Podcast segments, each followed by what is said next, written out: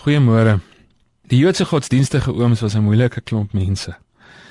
Die Jode het nie gemeng met die Grieke nie en die, en veral nie met die Romeine nie, want eers het die Grieke hulle onderdruk in hulle eie land en in Jesus se tyd was dit nou juis die Romeine gewees. Hulle het gevoel die Samaritane is vuil, is 'n nasie wat ondertrou het en hulle het hulle selfs baie keer honde genoem. Het gevoel die malaatses is onrein en 'n slaaf met sy plek en so het elke ou sy plekkie geken binne die samelewing. Selfs binne die Joodse samelewing was daar hierdie groepe. Rodney Stark, die historiese sosioloog, meen daar was tot 20 of meer van hierdie Joodse groepe. Ons lees van die Fariseërs en die Sadduseërs, die Esseners, die Zelote, die Jerusalem Jode en die diaspora Jode en so kan ons aangaan. En elke groepie moes maar eintlik by homself hou en dit ek was het het hulle binne hierdie groep ook maar selfs op mekaar neergekyk.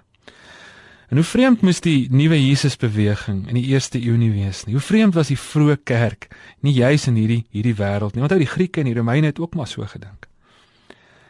En Jesus het daai hierdie nuwe ontmoeting begin plaasvind tussen mense.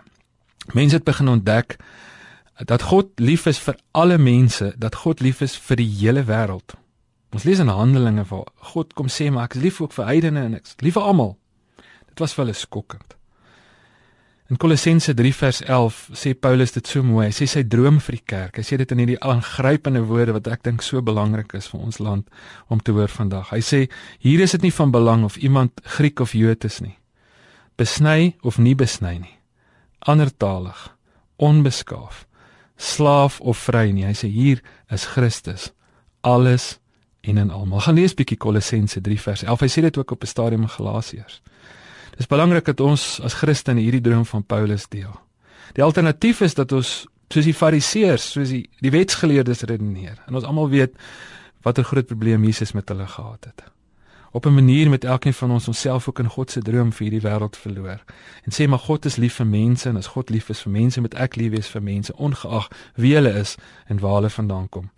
Dit is mense nodig wat nie die eenheid breek nie, maar wat jy die jy's die eenheid uh bou Suid-Afrika het vandag meer as ooit nodig dat die kerk die plek sal wees waar uiteenlopende mense mekaar beter leer verstaan. Die plek waar diversiteit nie gesien word as ons grootste probleem nie, maar ontdek word as ons grootste seën. Kom ons bid dat die Here ons hiermee sal help. Here, U weet hoeveel spanning daar is tussen mense van verskillende groepe in ons land. Groeiende spanning. Rasse spanning en uh, spanning tussen ekonomiese groepe en families en maak ons daai vredemakers wat U ons geroep het om te wees. Bou die eenheid, Here. Mag die kerk juis die plek wees wat nie net oor hierdie goed praat nie, maar waar dit sigbaar word. Dat U liggaam 'n diverse liggaam is en daar plek is vir almal. Ek wil bid dat U hierdie ding baie diep in ons eie harte sal kom doen en as daar bitterheid en goeters is dat U ons sal daarvan sal genees en dat U vir ons sal help om te help bou in hierdie droom. Mag mag ons onsself ons ons lewens verloor in hierdie droom van U vir die wêreld in Jesus Christus se naam. Amen.